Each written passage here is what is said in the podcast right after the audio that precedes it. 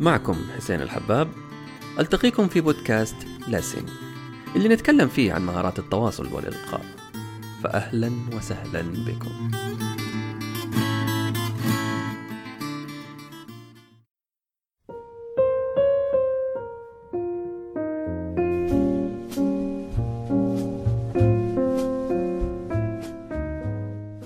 عندما يتحدث القادة عن مهارات التواصل فإنهم يشيرون ضمنيا إلى فن الإقناع.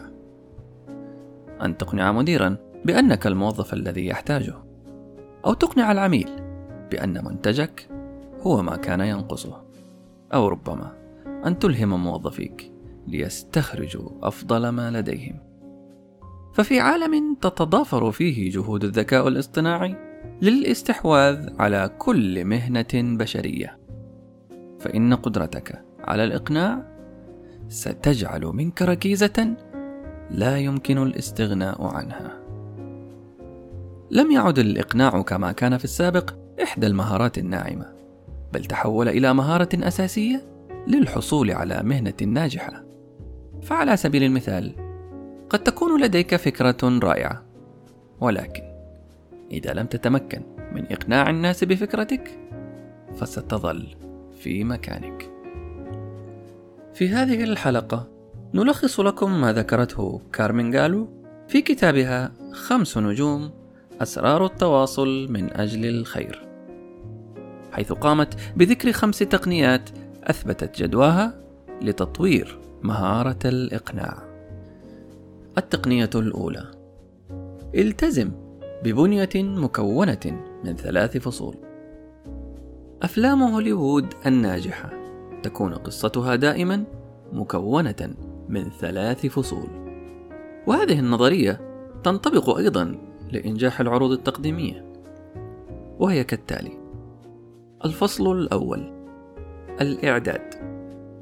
نتعرف أولا على عالم البطل قبل بدء المغامرة. الفصل الثاني الصراع.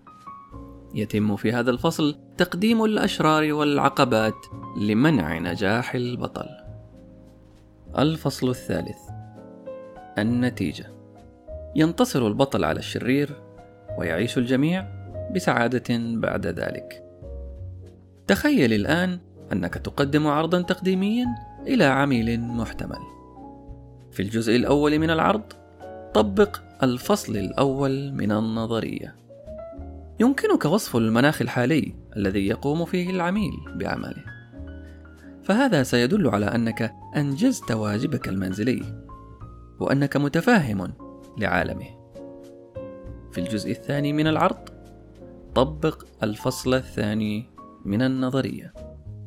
وهنا يمكنك إدخال مشكلة يواجهها العميل والأفضل من ذلك أن تكشف النقاب عن عقبة محتملة. أو شرير لم يفكر به العميل حتى الآن. وأخيرا طبق الفصل الثالث من النظرية، حيث يمكنك في هذا الفصل شرح كيفية مساعدة منتجك أو خدمتك للعميل في التغلب على العقبة المحتملة والازدهار بسعادة بعد ذلك. ستلاحظ كيف يجبرك هيكل الفصول الثلاثة على التفكير في وجهة نظر العميل. بينما سيركز العرض التقديمي للمنافسين في الغالب على مميزات منتجاتهم فقط. التقنية الثانية إنشاء عروض تقديمية جذابة بصريا. من المتوقع دائما أن ينشئ المرء عرضا تقديميا مليئا بالنصوص والنقاط والمخططات والرسوم البيانية والجداول. أما إذا كان عرضك يحتوي على عدد من الصور ومقاطع الفيديو، فمن المؤكد أنك ستلفت الانتباه. فمن الأمور الراسخة في علم الأعصاب أن النصوص والنقاط هي الطريقة الأقل فاعلية لتقديم المعلومات، بينما ترسخ الصور بشكل أفضل. فإذا شاهدت العروض المقدمة من القادة في شركات أبل وجوجل ومايكروسوفت ستلاحظ أنها نادرا ما تستخدم الشرائح المليئة بالجمل والنقاط. فهذه الشرائح لا تساعد ابدا على تكوين روابط عاطفية مع الجمهور وذلك بعكس الصور. التقنية الثالثة استبدل الكلمات الطويلة بأخرى قصيرة. يقول عالم النفس دانيال كانيمان والحائز على جائزة نوبل أن المتحدثين الذين يستخدمون كلمات قصيرة وبسيطة ينظر إليهم على أنهم أكثر كفاءة من أولئك الذين يتحدثون بجمل طويلة. فإذا كنت ترغب في بناء مصداقيتك والوصول إلى جماهير جديدة لا تعرف منتجاتك أو خدماتك فلتكن.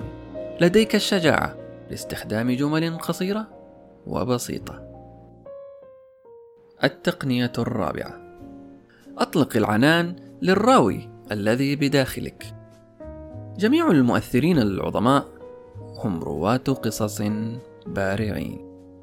فالقصص تعلم وتثقف وتلهم. فإذا شاهدت متحدثا ملهما في إحدى خطب مؤتمر تيد توكس فلربما لاحظت أنه يبدأ بقصة إذا لم تلاحظ ذلك مسبقا فسوف تنتبه لها الآن يحث مؤتمر تيد المتحدثين بقوة على سرد القصص التي تدعم موضوعهم أو نظرياتهم. فهنالك عدة أنواع من القصص التي يمكنك إخبارها. يمكنك مثلا سرد قصص النضال والانتصار، أو قصص تتحدث عن تجربة العملاء. أو ربما أخبر قصة إنشاء مؤسستك، أو حتى الأحداث المهمة في تاريخ الشركة. ومهما كان موضوعك لا تقدم عرضا تقديميا آخر بدون قصة إن تقديم الحقائق والأرقام أمر في بالغ الأهمية لكن الإقناع لا يمكن أن يحدث في غياب العاطفة والقصة هي أفضل وسيلة لنقل العاطفة من شخص إلى آخر. التقنية الخامسة. إقهر الخوف الذي يعيقك.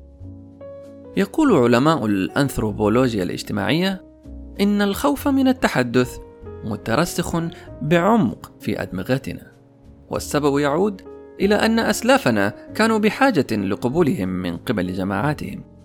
وإلى يومنا هذا ما زلنا نتلهف على القبول. فتخيل معي عزيزي المستمع هذا الموقف. حيث قدمت عرضا تقديميا في منتهى الروعة. وبعد الانتهاء أعطاك تسعة أشخاص من الحضور ابتسامة الرضا. ولكن الشخص العاشر لم تبدو على ملامحه أي من علامات الرضا أو الاستحسان. الآن إذا كان عقلك يعمل بشكل طبيعي فمن المتوقع أنك ستجلد نفسك على انتقاد الشخص العاشر وتتناسى إعجاب التسعة الآخرين. والسبب في ذلك هو قوة حاجتنا للقبول الاجتماعي. إن سر اكتساب الثقة أمام الجمهور هو تقبل التوتر على أنه ظاهرة طبيعية. ومن ثم الاستفادة من كل فرصة للممارسة. مما سيساعد على التخفيف من قلقك. من وجهة نظر بودكاست لسن نتفق مع الكاتبة بأن التقنيات الأربعة الأولى تعزز بالفعل من قدرة المتحدث على الإقناع بينما نختلف معها بأن التقنية الخامسة قد لا يكون لها تأثير مباشر على تنمية قدرة المتحدث ليكون مقنعا. بل يمكن اعتبارها إحدى طرق اكتساب الثقة للتحدث أمام الجمهور. كانت هذه الحلقة الأولى من سلسلة تطوير مهارات الإقناع، وبإذن الله سوف يكون هنالك المزيد من التقنيات والأساليب التي أثبتت جدواها. في تطوير هذه المهارة المهمة. وفي الختام نتمنى أن نكون قد أوصلنا إليكم ولو معلومة بسيطة عن بعض تقنيات تطوير مهارة الإقناع فإلى اللقاء